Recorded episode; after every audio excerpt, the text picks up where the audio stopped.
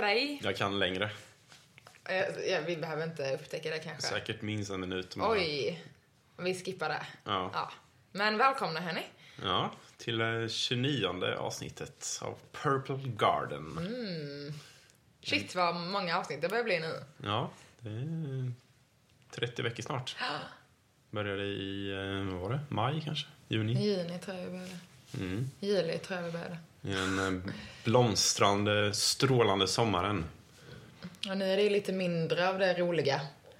Mm. Får man ju säga. Det är riktigt ruggig februari dag. Ja. En riktigt dålig dag. Men jag- det känns som vi är glada trots en riktigt dålig dag eller? Ja, jag är, jag är delad. Jag är otroligt irriterad. Ja. Eh, Men också upprymd. Mm, och då är vi två. Jag är också otroligt irriterad, men också upprymd. Ja. Ja, men av olika anledningar. Eller dels är jag också irriterad, upprymd, eller irriterad över din grej. Eh, att eh, din väska har blivit stulen idag. Precis, det är det jag är irriterad över. Mm. Jag hade ett eh, helt fantastiskt möte faktiskt med eh, ja, TED Talk Stockholm och två andra konstnärer. De firar 15 år TED Talk i år, alltså i Stockholmsfilialen. Och ska slå till med dunder och brak och ha 15 aktiviteter under året. Varav den sista blir nu som en, stort, eh, en stor konferens, stor show. Men tre av de här aktiviteterna ska vara målning och då ska jag och två andra konstnärer hålla i dem. Och vi träffades idag och klickade riktigt bra och vi kom fram till att vi ska göra det här tillsammans, alla tre aktiviteterna och vi ska ses redan om- om någon vecka och börja spåna och måla tillsammans och ja, vi klickade jättebra. Så det var ju så här riktigt bra möte och var upprymd, eh, liksom väldigt bra energi. Och sen när vi skulle gå därifrån så ja, var det min väska någonstans. Så den var stulen. Och det var ju såklart bara min väska då. Alla andra väskor var ju kvar. Eller var typiskt min tur. Ja, men den, ja. Mm. Så lite blandad, blandade känslor idag. Lite irriterad men... Å andra sidan så var det ju eh, inte hela världen. Det var en dator som försvann. Och en eh, handstickad mössa från min mor. Det var väl kanske den som var tråkigast att bli av med. Och väskan i sig, det är en gammal trotjänare som har hängt med. ja, och typ också så, eller jag har ju också varit inloggad på många konton på den datorn så man blir så gud, blir min identitet stilen nu? Kommer den nå till min mail? De grejerna blir jag typ så, hur gör jag det här för att stänga av? Men nu har vi låst datorn så jag hoppas att det ska funka via hitta min iPhone, jag vet inte. Ja. Det är kanske inte podcast-lyssnarna är nu ska vi intresserade av. prata om det här. Ja, men det är ändå lite alltså, spännande, det här är spännande, men just det här med så ens identitet liksom. Mm. Ehm, att hur mycket ja, men både ego och identitet betyder för ens lycka. Mm. Eller så, jag är ju jag liksom. Ja, Men sen helt plötsligt kan någon annan vara jag. det är ingen som kan vara som du. Det Nej, exakt. finns bara en, ett exemplar av dig. Ja, och eh, lite med det sagt, vi kommer ju titta på vad många olika exemplar av människor har att säga om lycka idag. Det var dåliga radioövergång. Nej, den var okej. Ja, i, ja. Men vi tänkte öppna öronen utåt och se vad andra människor har att säga om lycka idag. Det blir liksom ännu mer balans till vår... Min röst idag. Kanske för att jag är irriterad. ja. Vi hade ju astrologispecial följt av eh, vetenskapsspecial skulle man kunna säga förra veckan. Och nu idag så ska vi eh, lyssna in vad kändisar har att säga om lycka. Mm. Det kanske låter lite så här platt på förhand att eh, liksom vad, vad spelar det för roll om man är känd liksom, betyder det mer då? Men eh, det är ändå lite intressant just med kändisar för de har ju liksom ut, utåt sett så har de ju allt i livet. De har pengar, ära, framgång. Rent utåt sett så ser det ut som att de är ju superlyckliga. Men det vet vi ju historiskt sett att så är ju icke fallet. Det är många kändisar som har ja, varit olyckliga och kanske just för att de är kändisar. Så vi tyckte att det kunde vara lite intressant att väva in lite vad ja, kända människor har att säga om lycka. Mm. Och eh, alla tänkbara kändisar. Nu har vi verkligen eh, scrapat på alla håll här. Det är ju spirituella ledare till eh, Hollywoodkändisar. Skådespelare, sångerskor, tvärtom. Mm. Ja. Så det... Ja. Ja, häng in på första citatet. Mm, Citat-Erik är tillbaka. Ja. Ska vi börja med Gandhi kanske? Ja, han är alltid, alltid härlig. Vi, vi landar liksom lite balanserat. Mahatma Gandhi.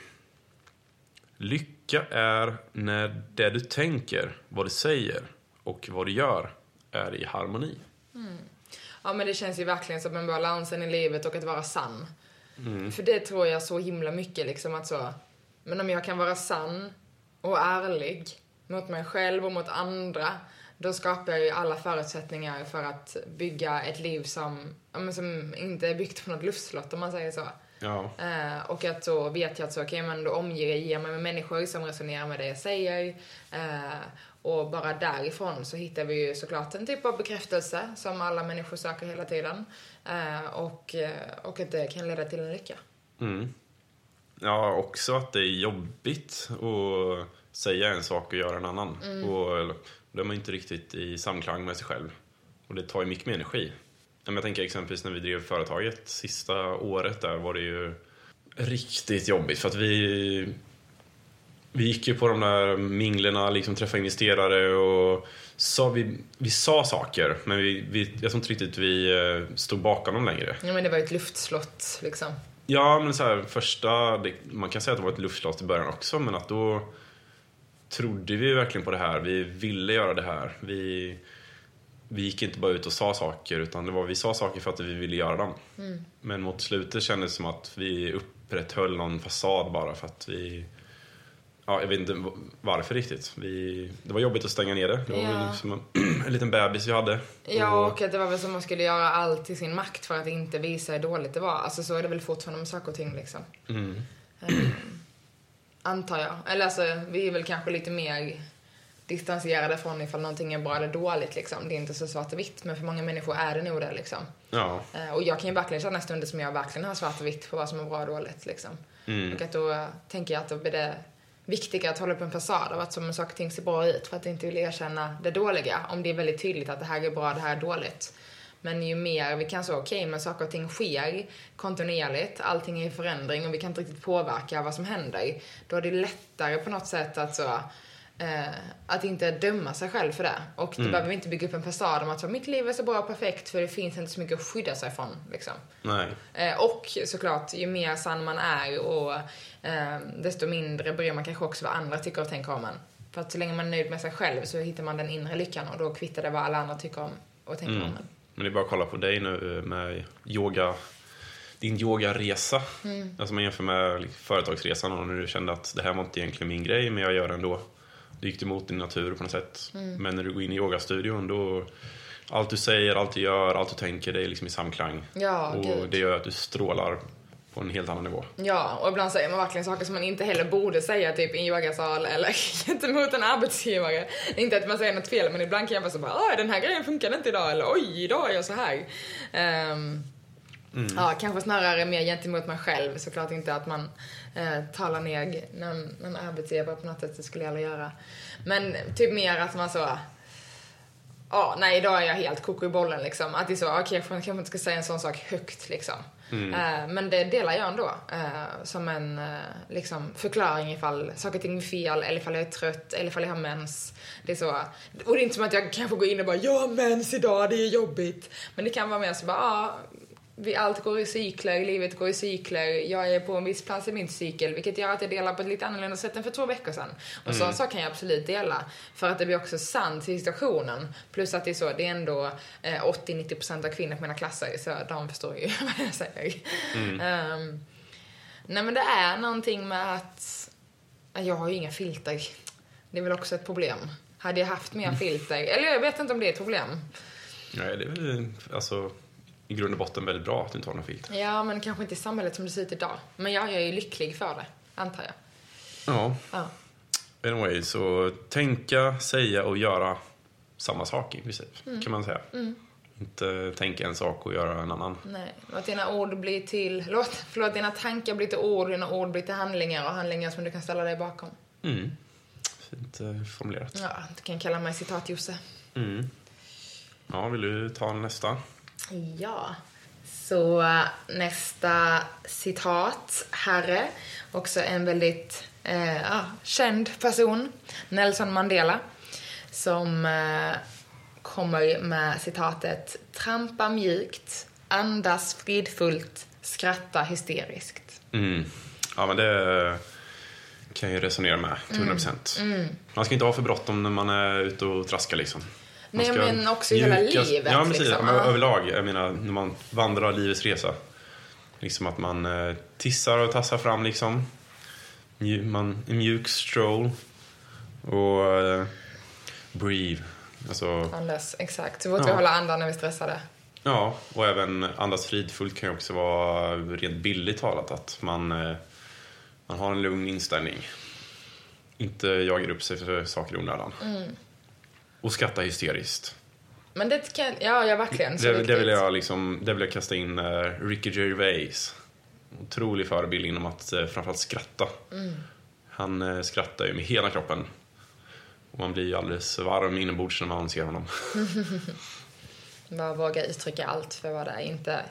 Nej, inte hålla igen liksom. Nej. Utan när det, alltså, det behöver inte vara, bara vara skratta, utan när man, man känner saker ordentligt. Men jag så, precis, för det har jag, jag har ju världens största leende av mina tänder liksom. Ja. Jag har så svårt ibland att förstå, typ som du, alltså inte att du inte ler, men du kan ju le och skratta liksom, men du ler ju alltid med stängd mun. Och jag är så, men om man är glad så ler man väl med hela ansiktet, men det är kanske bara jag som gör det, som ser ut som ett eh, troll. Ja, man kan le på olika sätt. Ja. Jag ler mycket med ögonen också tror jag. Ja. Fast alltså skrattar du och ler du så gör det med tänderna. Men, Mm. ja, jag vet inte. Ja. Men, det är, men, men en sak som jag tycker är spännande just med den här, ehm, alltså så att, att då men att lyckas ska vara liksom, ja, men, eh, trampa mjukt, andas fridfullt och skratta hysteriskt. Att det är så, men det är också olika kvaliteter av, ska man säga, energinivåer. Men jag, jag kan också känna så att men för att man faktiskt ska kunna vara lycklig måste man också kunna släppa taget. Och att släppa taget kanske handlar om att stampa de där stegen som du behöver stampa. Mm. Så också så lyfta in att så lycka är kanske inte bara att vi ska, inte att vi ska så göra oss till och åh nu ska jag gå det lugnt och sådär liksom. Eh, Men inte heller dämpa oss ifall vi har andra känslor som vill ta plats. Mm. Ehm, eh, Men det är ju för att jag förespråkar att släppa ut allting. Ja. Men typ eh, du sa eh, häromdagen till mig, väldigt kul, jag har aldrig reflekterat över det innan. Gud, du hyvlar osten så aggressivt. Ja. ja, men det är ju precis. Det är, Det är kanske ett sätt för mig att bara... Och det är det här, jag, det här jag tror Nelson Mandela menar. Liksom, att, eh, det kan, behöver inte vara att man trampar ut när man är ute och går. Utan det kan ju vara Ja, ja. när man ska hyvla ost. Man behöver liksom inte behandla osten som en... Eh, vad ska man säga? Ett mordoffer. Men om jag behöver få ut någonting i den stunden som jag hyvlar med ost, det kanske är den stunden på dagen som jag släpper taget av någonting som jag inte ens är medveten om. Då är det Ja. väl jättebra att jag hyvlar min ost som att jag hyvlar en... ja. Ja. Jag vet inte, det är bara en tanke liksom kring hela citatet att det är väldigt fint Mm. eh, kring lycka. Men jag tror fortfarande på hela spektrat av känslor. Men Mm. det är som sagt min filosofi och tro. ja, nej men det håller jag nog med om. Men sen eh, kanske man kan bygga en eh, tillvaro som gör att man inte behöver bli förbannad och arg och ledsen hela tiden. Ja, hela tiden. Eller hela nej, men tiden. jag tror att det är jätteviktigt att känna, alltså nej, men, nej, nej, nej, nej, men där, nej, nu håller jag faktiskt inte med dig. Nej. Jag tror absolut man kan bygga en sån tillvaro så långt det går, men balansen är allt, liksom. Alltså vi kan inte alltid gå runt och vara glada och lyckliga. Det tror jag inte på. Vi måste ha balansen för att kunna känna den lyckan också. Ja, det, det tror inte, jag tror inte heller man kan vara glad och lycklig hela tiden. Men eh, man kan fortfarande hålla ett lugn. Ja, men då stänger man ju ner allt man känner. Nej, jag är fortfarande emot dig. Ja, men då kan man också tänka sig att man kan lära sig att inte eh, brusa upp över saker. Ja, ju absolut. Man kan ju landa upp och reflektera vad det är som triggar mig, men jag tror fortfarande att man har rätt till alla sina känslor och är det något som triggar en så har man fortfarande rätt att känna den känslan. Mm. Snarare än att alltid gå in i ett analytiskt stadie, för då blir man ju också lite dum i huvudet av det. Jag kan ju vara sån ibland. Gå fullt in i det analytiska, vilket gör att det blir svårt att se den andra delen av det liksom. Ja, men då väver vi in ett eh, citat från eh, vår gamla husfilosof och trotjänare här i podden, Carl Jung. Han stryker under lite det du sa här, tror jag. Spännande. Ett liv kan inte vara lyckligt utan inslag av mörker. Och ordet lycklig skulle förlora sin betydelse om det inte balanseras av nedstämdhet. Nedstämdhet är ett oerhört tråkigt ord att använda. Ja, men, nu, precis. nu har jag översatt från... Ja, han, har säkert, han har säkert skrivit på tyska som har blivit översatt till engelska och sen Mm. har jag översatt från engelska då. Och, och ska man rikta någon kritik till Carl Jung så är det att han har ju en fäbless för att formulera sig så komplicerat så det bara går. Ja, Så det här är jag... Det här är en paraf- parafrasering jag har gjort här. ja, ja, nej, men det är väl klart. Men det, det andemeningen, eller det jag tolkade i citatet var ju i alla fall de här kontrasterna Mm. som behövs. Att man kanske behöver vara riktigt ledsen eller nedstämd för att verkligen kunna uppskatta och känna lyckan när den kommer. Och det tror jag är väldigt mycket liksom. Och också, eller så, så det som då jag förespråkar mycket, att vi måste kunna känna alla känslor hela spektrat. Det där nedstämda också, det jobbiga och det negativa. Mm. Irritationen är någon själens väska. Ja, exakt. Vi måste känna det, vi måste få uttrycka det för att sedan kunna släppa taget om det. Mm. För jag tror att alla känslor kommer och går som det alltid gör, men om vi inte släpper taget på det, om det, vi känner, om vi håller inne det, då kommer det liksom lägga sig som spänningar i kroppen. Mm. Och det är samma sak så, Så jag borde egentligen bara ställa mig och skrika in i väggen här. nej för jag tror inte att du är så besvärad av att det här hände. Jag tror du är irriterad och att du känner dig liksom orättvist behandlad, men jag tror inte du är så, alltså, ah, så shit happens liksom. Ja, Du och jag är lite så, okej shit, oj den där riktigt dyra grejen gick sönder, det var inte bra. Men vi bryr oss inte så mycket om ting längre. Alltså, hade det det, varit oss för fem år sedan hade det varit, en, eller i alla fall mig precis. Och att jag blev av med väskan, det vägdes ju upp av att jag hade ett sånt bra möte. Mm. Så det var ju, det var ju fortfarande en plusupplevelse. Ja. Om man väver in allting. ja, precis. Och också, men som sagt, jag tror att vi är väldigt mycket så här, okej det är bara materiella ting, det är bara pengar. Att någonstans har vi mött, mött de motstånden och helt enkelt insett att okej, men vad är det faktiskt som är viktigt här i livet? Mm. Sen kan man vara irriterad för det liksom. Eh, och det är ju därför vi har pratat om, om de jävlarna som bestämde sig för att göra detta rackartyg mot dig. Mm. Ehm, men jag tror fortfarande att om, du, om vi inte, alltså också såklart balansen i hur vi uttrycker oss. Mm. Att, men man kanske inte heller kan bli supergalet arg på det liksom. Det måste också finnas en rimlighet och en reson till de känslorna som man spelar ut. Ja, Typ vissa kan ju bli helt galna för, eh, jag vet inte, att någon går över en vit linje liksom. Ah, det gick på andra sidan vägen och så får de ett utbrott för det. Ja. Och då är det en annan, då har det liksom gått för långt åt andra hållet. Ja, precis. Då är det så snarare inte att känna sina känslor utan bara att man har satt upp massa regler och lagar som man ska följa efter. Och där får ens känslor följa de här reglerna och lagarna som man har satt upp i sitt huvud. Mm. Eh, vad vi då anser själva som rätt och fel. Så det tror jag gör den stora skillnaden i det här liksom. Men jag tycker fortfarande att det är så, ja, det sög att det hände liksom. Du fick känna en balans där. Eh, Ja. Och, och sen kan man släppa taget om den irritationen när när vi har uttryckt den för varandra. eh, Och sådär liksom. mm. Ja, jag vet inte. Det är spännande. Men eh, verkligen, det finns liksom inget mörker utan ljus. nej. Inget ljus utan mörker. Det finns inget ljus utan mörker. Ja, nej men kontrasterna, det, det har vi ju pratat hål i öronen på lyssnarna om tidigare också. Ah. Ja, men vår företagsresa, det var ju många upp och nedgångar. Och vi uppskattade ju topparna så mycket för att vi fick vara med om dalarna. Ja, Så det, kontrasterna är viktiga i livet. ja verkligen. Annars blir allting bara vardag. Precis. Och det kan man ju också vara lycklig i liksom. Men Ja. då... Tänk om vi hade gift oss varje dag. Oj, shit vad sjukt det hade varit. Det var den sjukaste dagen i mitt liv. Ja. Det hade inte varit den sjukaste dagen i ditt liv om vi hade gjort det tio Nu, nu gånger glömmer till. du att jag är oxe. så det skulle kunna vara det.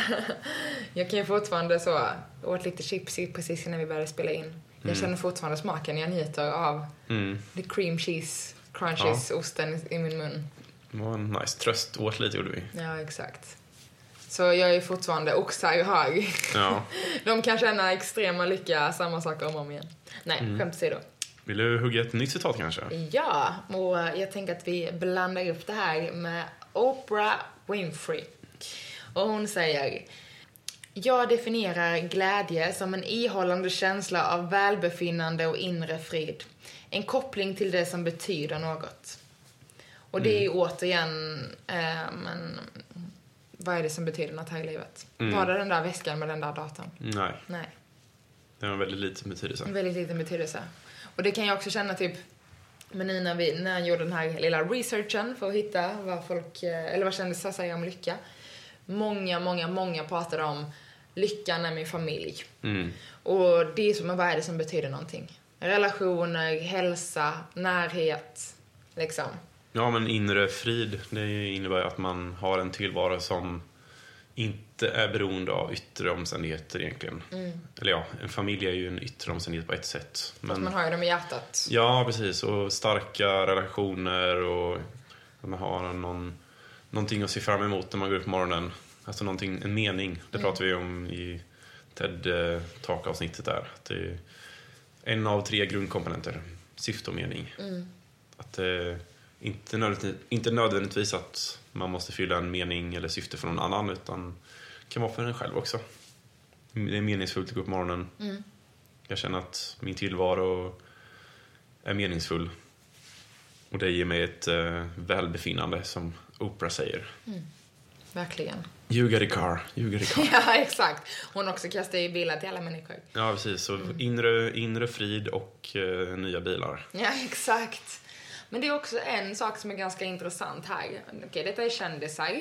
Som, som du nämnde i början, de, bara för att man är kändis betyder inte det att man är lycklig. Bara för att man har pengar betyder inte det att man är lycklig. Nej, tvärtom kan man ju om man eh, ska relatera tillbaks till vårt TED Talk-avsnitt med det hedonistiska löpandet. Att ju mer makt, pengar och ära man har, desto snabbare går löpandet. Desto mer vill du ha. Så bara det faktum att man är kändis innebär ju ofta att man har väldigt mycket, och vilket innebär att man vill ha mer, för det är väldigt mänskligt. Och sen att man kommer in i en eh, ond cykel som aldrig, liksom man vill bara ha mer och mer och mer. Det finns ingenting som kan mätta. Så eh, det är nog inte så himla lyckligt att vara kändis, alltid. Nej, man vet ju inte. We're not there yet. Nej. Så tipsa alla om att lyssna på den här podden så vi kan bli kända. Nej, skojar. Ja.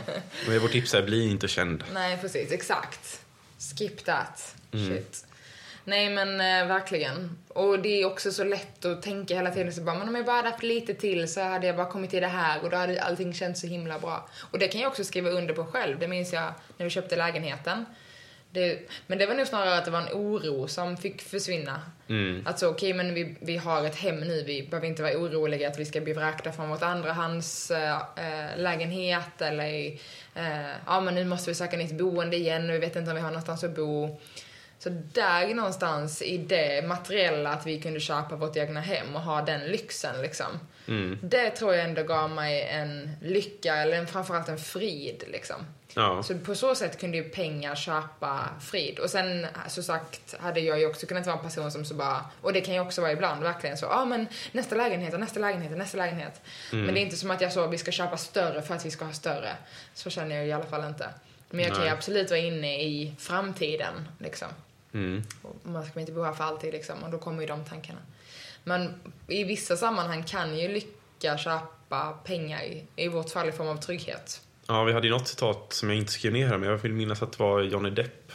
Ja, Han sa att eh, pengar kan inte köpa lycka, men eh, pengar kan köpa en tillräckligt stor yacht så du kan segla iväg till lyckan. exakt, ja exakt. Eh, och det ligger ju ändå någonting i det citatet också liksom. Ja. Framförallt tror jag för en helt vanlig dödlig människa som oss, som, eller kanske inte oss, oss, men alltså allmänt alla människor som vi lever våra liv, vi går runt i våra vardagar, vi har vår lön liksom. Ja. Eh, och där någonstans finns det såklart kanske längtan till mer pengar och högre lön. Och Ja, då är är, ju- det väl den längtan man har till liksom. Ja, en annan gammalt citat som jag inte vet vem som sa, men det är ganska känt. Jag gråter hellre i en Mercedes än i en Fiat.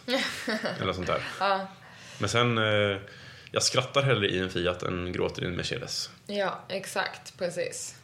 Det är ju så, nu är jag också väldigt tjejig här känns det som, men jag är så bilar, det kvittar väl vad man har för bil. Ja, men jag tror också så, åter till det här Oprah pratar om liksom att så, okej okay, men inre frid, men vad är det faktiskt jag behöver för att hitta min egna inre frid?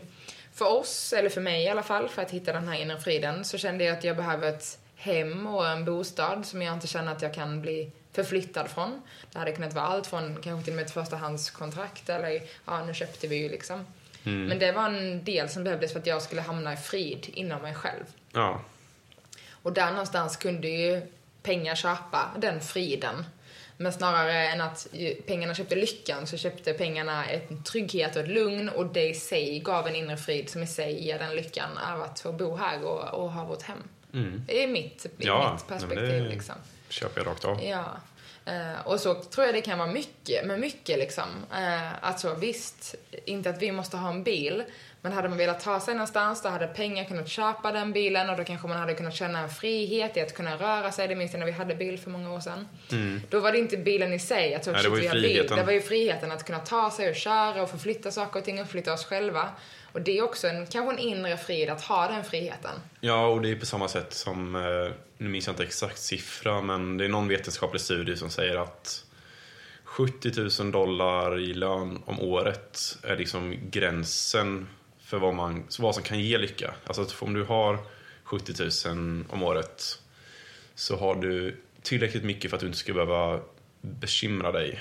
Alltså du har den ekonomiska friheten. Vi kommer tillbaka till det här med frihet. Ja. Men mer än 70 000, det har ingen inverkan på lycka. Nej. Och det är väldigt spännande liksom. Mm. So we just gonna make that quarter. Ja, Jag tror jag pratat om det i något tidigare eh, avsnitt också, just det här med ja, men Alan Watts som pratar om att vi bara ska över nästa kulle och nästa kulle och nästa kulle och nästa kulle. Ja. Ehm, och sen le- letar vi efter någonting som vi inte ens vet vad vi ska ha. Liksom. Vad är det vi tittar efter? Ja, nej, det går ju osökt in på eh, Bob Marley här då. Som vi kanske inte ens behöver någon eh, närmare presentation. Mm. Reggae-fadern skulle man kunna säga. Eller Rastafari-grundaren. eh, nej, inte Rastafari.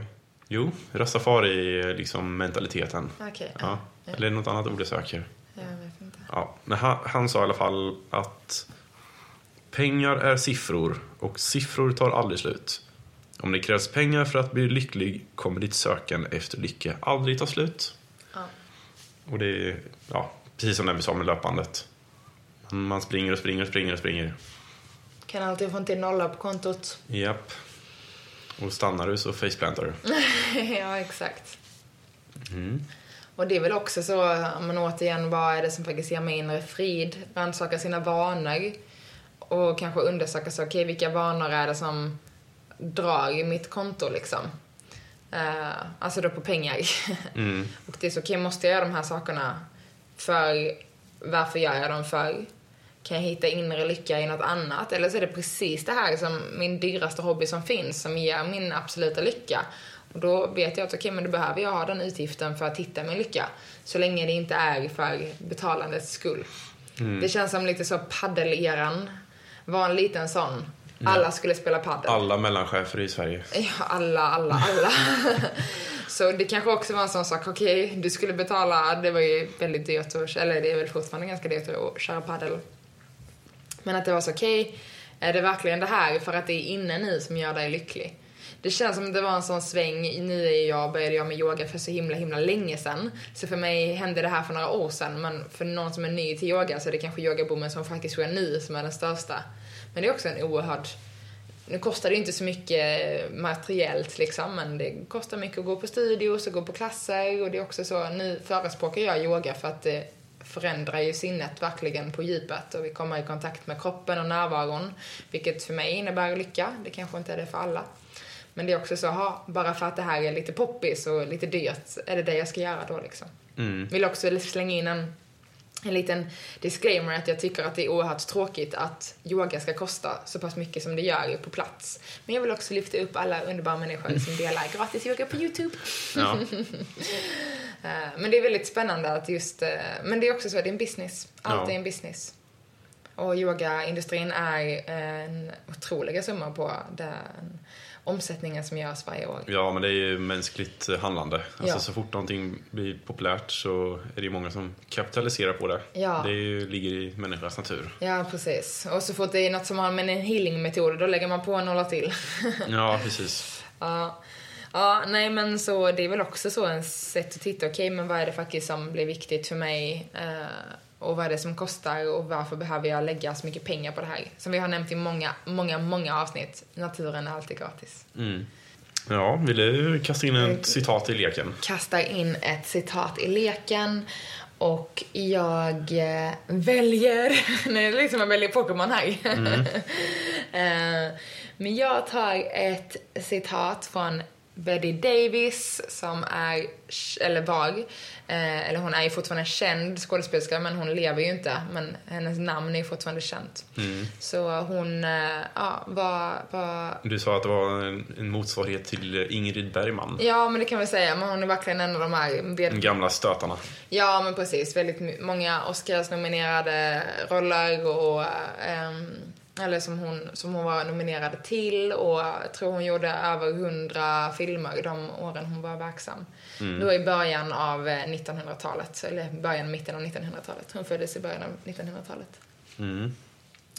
Men hon säger Ett säkert sätt att förlora sin lycka på, har jag upptäckt, är att vilja ha den på bekostnad av allt annat.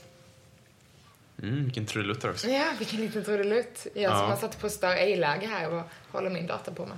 Ja, nej men det är väl the pursuit of happiness som pratar om. Att Alltså, man 100%. jagar lyckan tills, eh, ja, tills livet tar slut. Ja, och det är det här, jaga, jaga, jaga, Fred Millen, jag ska ha mer, jag ska ha mer. Var är den någonstans? Och sen bara, nej. Ja, men också jagandet.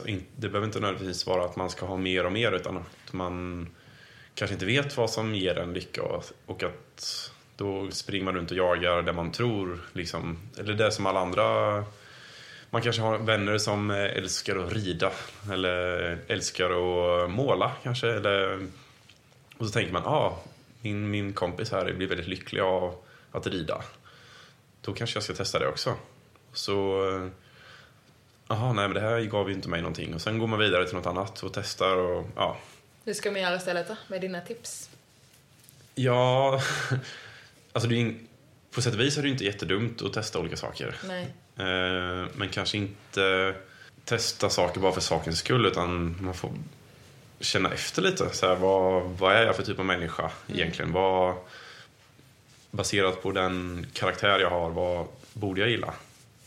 Jag tror också att dels det du säger såklart, att det kan vara det sättet att söka lycka på. Men jag tror också att många kan söka lycka i pengar och i sitt jobb.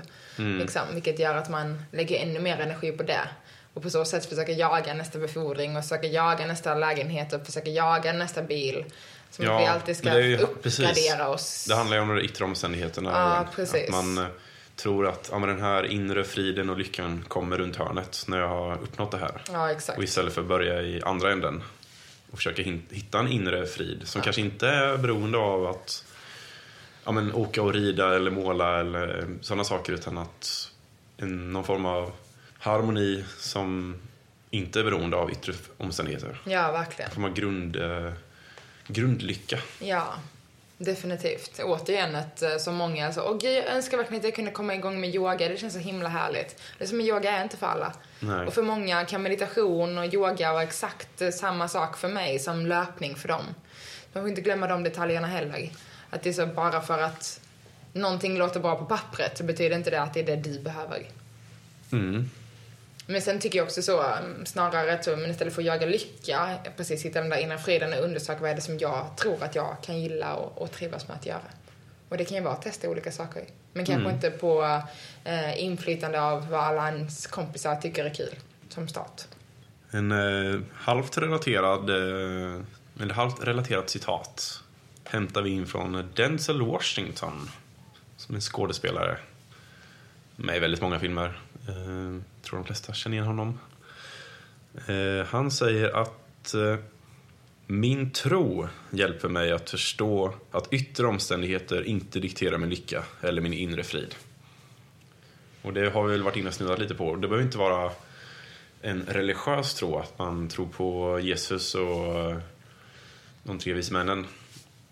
Eller någon annan religion. Det kan vara någon, något, något spirituellt, att man, tror, man har någon stark tro kring någonting. Exempelvis att om jag behandlar andra människor väl så kommer jag bli behandlad väl. Eller om jag behandlar andra människor väl så kommer jag må bra av det. Eller min tro är att, men för, mig, för mig personligen så tror ju jag att eh, behålla barnasinnet exempelvis. Att eh, visst, man kan bli vuxen och mogna på många olika fronter men att alltid ha kvar lekfullheten inom sig. Det är en tro jag lever efter.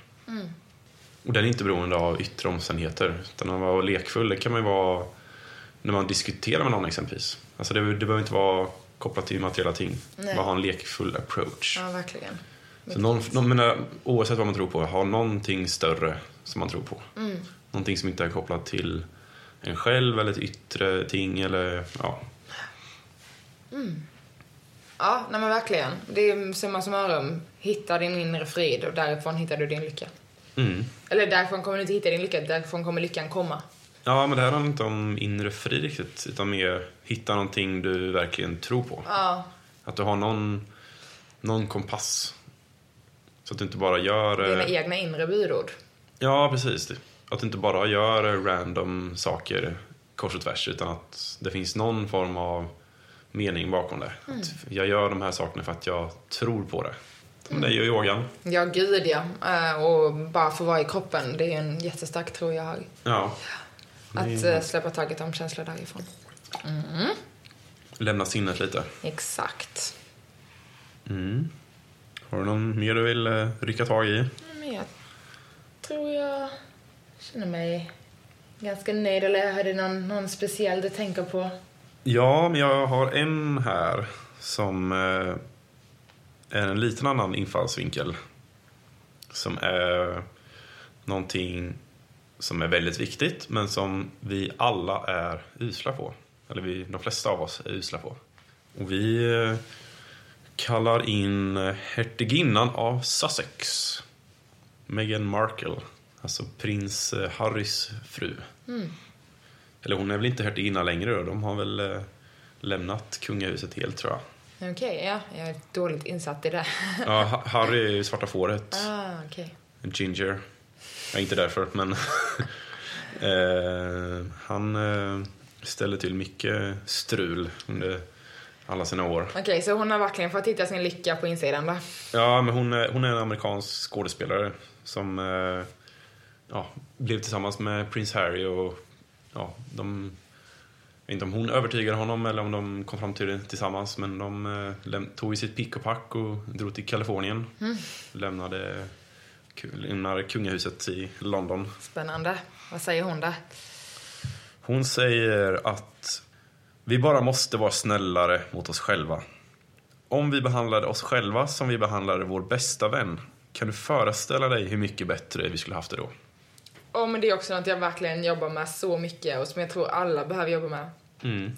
Alltså vår inre kritiker. Ja, Alltså gud vad den snackar vi är så hårda mot varandra. Ja, verkligen. Alltid hårdare mot oss själva än mot andra. Ja, exakt. Och det är så jag skulle aldrig, så min röst kan ju så, gud den tröjan kan du inte ha, shit vad det är så plufsigt i den.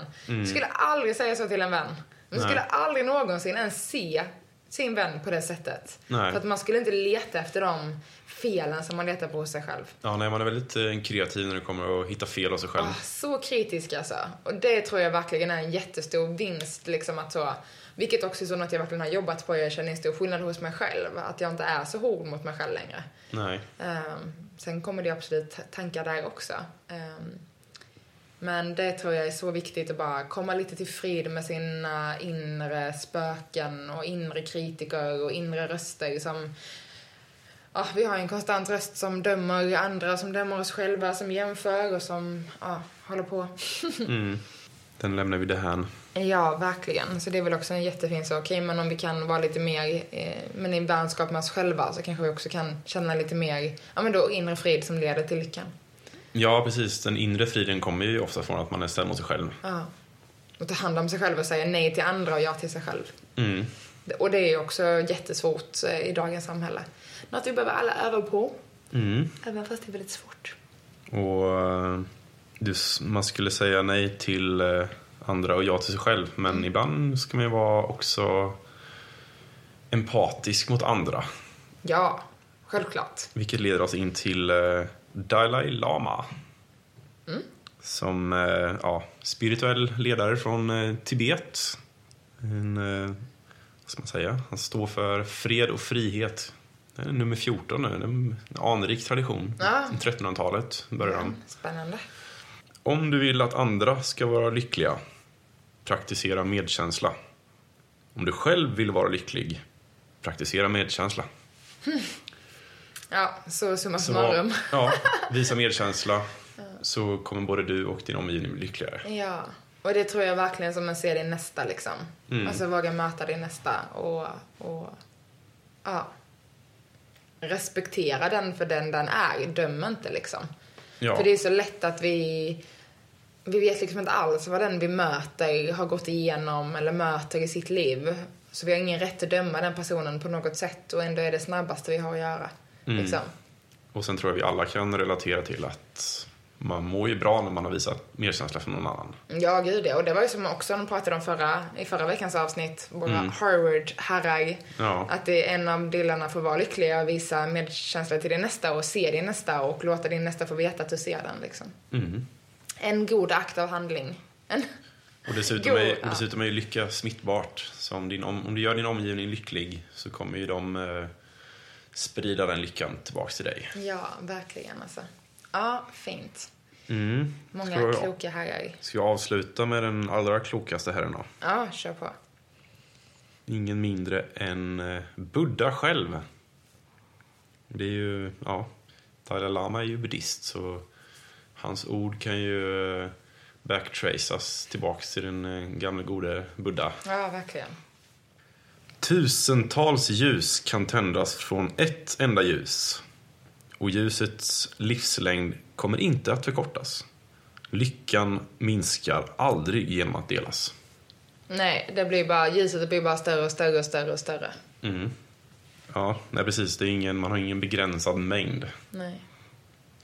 Så, mm, en klok en gamle Buddha. Ja, de är ju det, de där gamlingarna liksom. Men jag tror också så, de hade ju en, en helt annan typ av livsstil. Alltså dels också för att de var, alltså vissa herrar på det sättet. Men också på den tiden liksom. Alltså att det är så, det är så mycket som snurrar idag. Det måste också vara så, det får man inte glömma liksom. På den tiden var det liksom inte så, åh jag ska till mitt jobb och jag ska göra mitt bästa. För det var så, nej jobbet innebar överlevnad på den tiden liksom. Man var satt till det man var satt till. Så det måste också vara väldigt annorlunda att se på lycka för så många liksom hundratusentals år, hundratusentals hundra slash tusentals år sedan. Ja, jag tror det är typ 2500 år sedan kanske. Buddha var i farten. Exakt. Och Dalai Lama var ju där. Det fanns Ja. inga iPhones och Instagramflöden och... Nej, precis. Och det är också en, sak man får ta in liksom. Även fast de här då citaten såklart är tidslösa. Eh, så får man ändå inte glömma att så, ah, kanske plocka undan den där telefonen en liten stund. Landa i lite lugn, ro och frid. Tänd ett ljus. Ja, exakt. Och låta det ljuset få spridas och möta andra ljus. Mm. Mm. Ja, ska vi nöja oss Ja, för idag? men det känner jag. Det är mycket att ta in. Det blir riktig korvstoppning. Jag tänker eh, att eh, ni får eh, hålla till godo. Mm. Kan jag avsluta med ett citat som inte makes sense at all. Mark Twain. Lycka är som en svensk solnedgång. Den finns där för alla. Men de flesta av oss tittar åt andra hållet och tappar bort den. Jag vet inte varför han just valde en svensk solnedgång. Ja, Den skulle vara annorlunda. Ja, men det är för att vi är steppiga i Sverige kanske, jag vet inte. Ja, eller jag skulle nog säga att vi i Sverige uppskattar ju solen mer än många andra. Ja, Just för att vi har den så sällan. vi jobbar alltid när det är solnedgång. Ja, precis. Men jag, ja, eller så här, det var ju väldigt soligt och fint i lördags. Det var som att våren var här för en dag. Ja, gud ja. Då var ju folk ute och njöt och var nästan lite kosläpp på stan. Så vi, det vet jag inte, Mark Twain, om det, det finns en svensk solnedgång. En spansk solnedgång möjligtvis. De är så vana och luttrade. Fast det känns som den tar man också vara på. Jag vet inte. Det är väldigt sällan man ser någon titta på en svensk, alltså titta på en solnedgång här. Nej, det är sant. Spansk, spanjorer de njuter mer av livet. Ja, exakt. de tar siesta när solen eh, lyser. Exakt, exakt. Ja. Så ut och fånga solnedgångar, hörni. Ja, och nu kanske vi ska ta en siesta. Ja, det låter som en plan. Mm. Vi tackar för den här gången. Ja, Och vill man komma i kontakt med oss så finns vi på Instagram. Our Purple Garden. Mm. väl mött nästa vecka. Ja, Ha en ljuvlig helg. yes. Puss och kram på er. Puss och kram.